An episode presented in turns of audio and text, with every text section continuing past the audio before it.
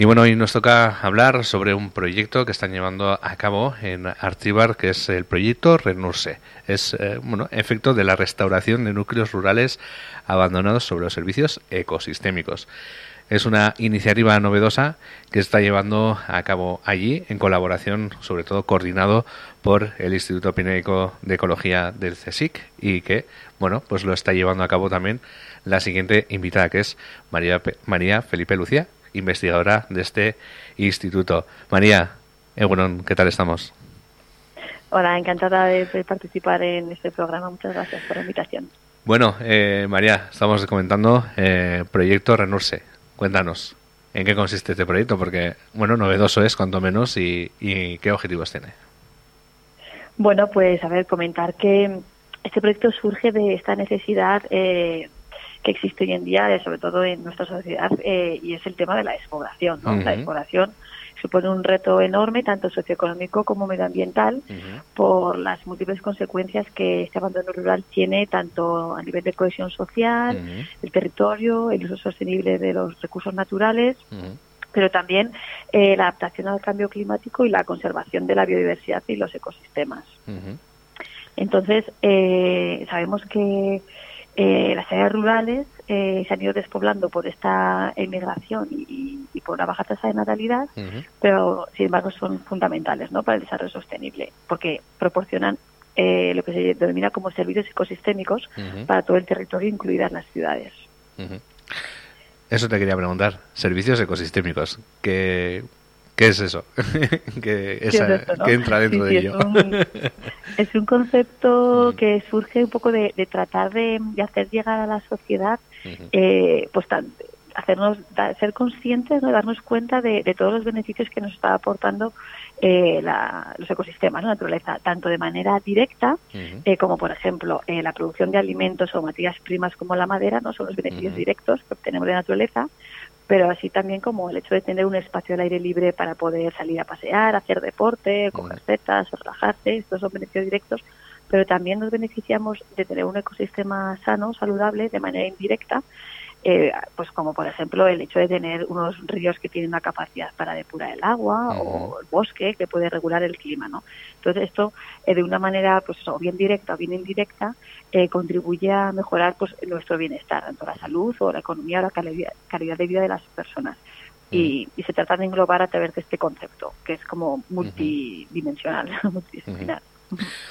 Y te quería preguntar también, eh, ¿de dónde surge este tipo de proyecto? Eh, bueno, eh, hemos comentado que eres del Instituto de Pirineo, de, del Instituto perdón, Pirenaico de, Ecología, del CSIC. ¿De dónde surge, cómo, cómo, surge la idea de hacer este tipo de proyecto? bueno, pues nosotros llevamos tiempo, o sea, compañeros de, este de este instituto, así como otros, bueno, hay que mencionar también otros centros que están participando, que son también centros del CSI, que son la Estación Experimental de Aula Bay y el Instituto de Recursos Naturales y Agrobiología de Salamanca, así como la Universidad de Zaragoza, eh, llevamos tiempo trabajando en, bueno, pues en ver efectos de, la gestión del territorio, cómo afecta a la biodiversidad y a los, sobre todo a la biodiversidad, ¿no? los aspectos más ecológicos.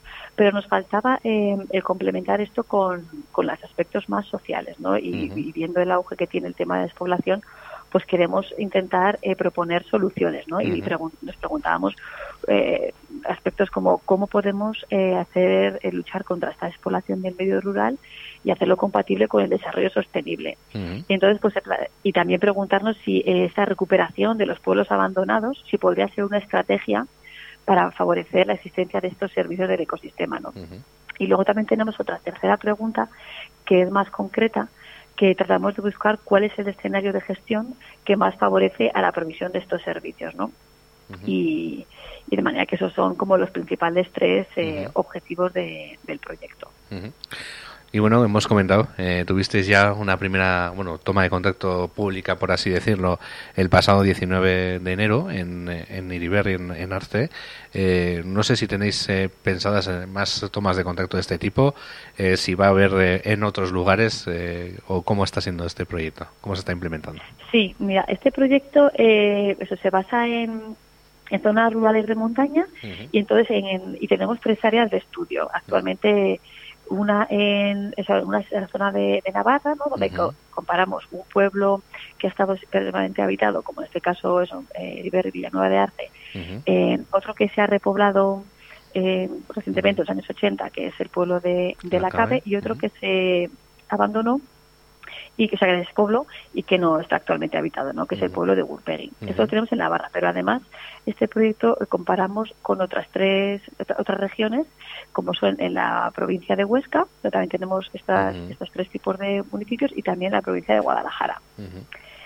Y en este primer taller que llevamos a cabo fue sobre la presentación un poco del proyecto, los objetivos del mismo, así como comentar eh, cuáles son los datos que se han recopilado hasta ahora pero eh, se tiene planteado como, como, uno de los objetivos del proyecto es eh, llevar a cabo unos unos eh, talleres de, escenarios de futuro participativos en las que buscar junto con la población cuáles son alternativas de gestión del territorio que permiten fijar población rural de manera sostenible ambiental y socialmente. Entonces, la idea es volver de nuevo de cara a la primavera a, a plantear estos estos talleres.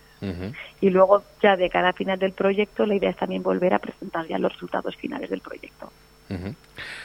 Por lo tanto, como hemos dicho, vamos a tener eh, otras citas, en este caso igual después de haber presentado el proyecto un poco más, eh, digamos así, prácticas, ¿no? Que, va a ser un poco como, eh, bueno, enfocar el día a día de cara a esos objetivos ¿no? que se marcan en el proyecto.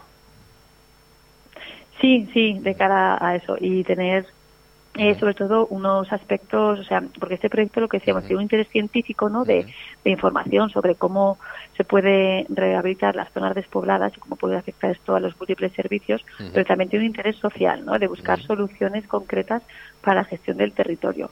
Y entonces, pues, eso es lo que tratamos de llevar a cabo. Pues eh, María, no tenemos más preguntas. No sé si se nos ha quedado algo en el tintero o, o querrías añadir algo más. Eh, bueno, eh, bueno, si queréis un poco más de detalle, puedo explicar eh, más concretos qué indicadores estamos midiendo. Pero, Eso es, ¿Sí? Si quieres, coméntanos qué indicadores estáis valorando.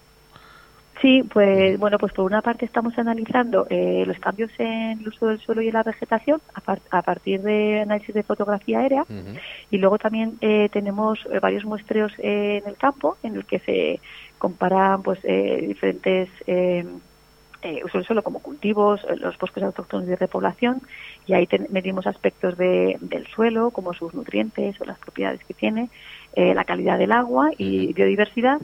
Y luego tenemos otros indicadores que, que derivamos de análisis cartográficos, como, como temas de clima, eh, la producción de agua y la prevención de incendios forestales. Y bueno, y también luego tenemos un aspecto, un aspecto importante de valorar eh, eh, o sea, de buscar indicadores sobre los valores culturales del paisaje, ¿no? Como su uso recreativo o el valor educativo, aspectos más tradicionales que puedan tener estos ambientes. Ah, luego sí que se me ha olvidado preguntarte, eh, bueno, tuvimos esa primera toma de contacto en el 19, ¿cómo fue? Eh, ¿Qué tal fue la aceptación de, por parte de la, de la ciudadanía del Valle de Arce? ¿Cómo se acercó gente?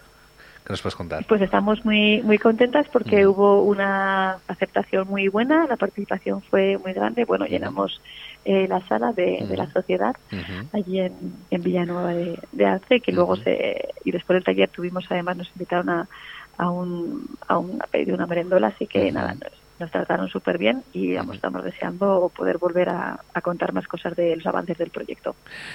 Pues estaremos también nosotros y nosotras aquí, eh, expectantes a ver qué, novedades eh, trae este, este proyecto. María, muchas gracias por haber estado aquí con nosotros y nosotras. Ha sido un verdadero placer y volvemos a estar en contacto. Un abrazo y cuídate. Vale, muchas gracias. Hasta la próxima.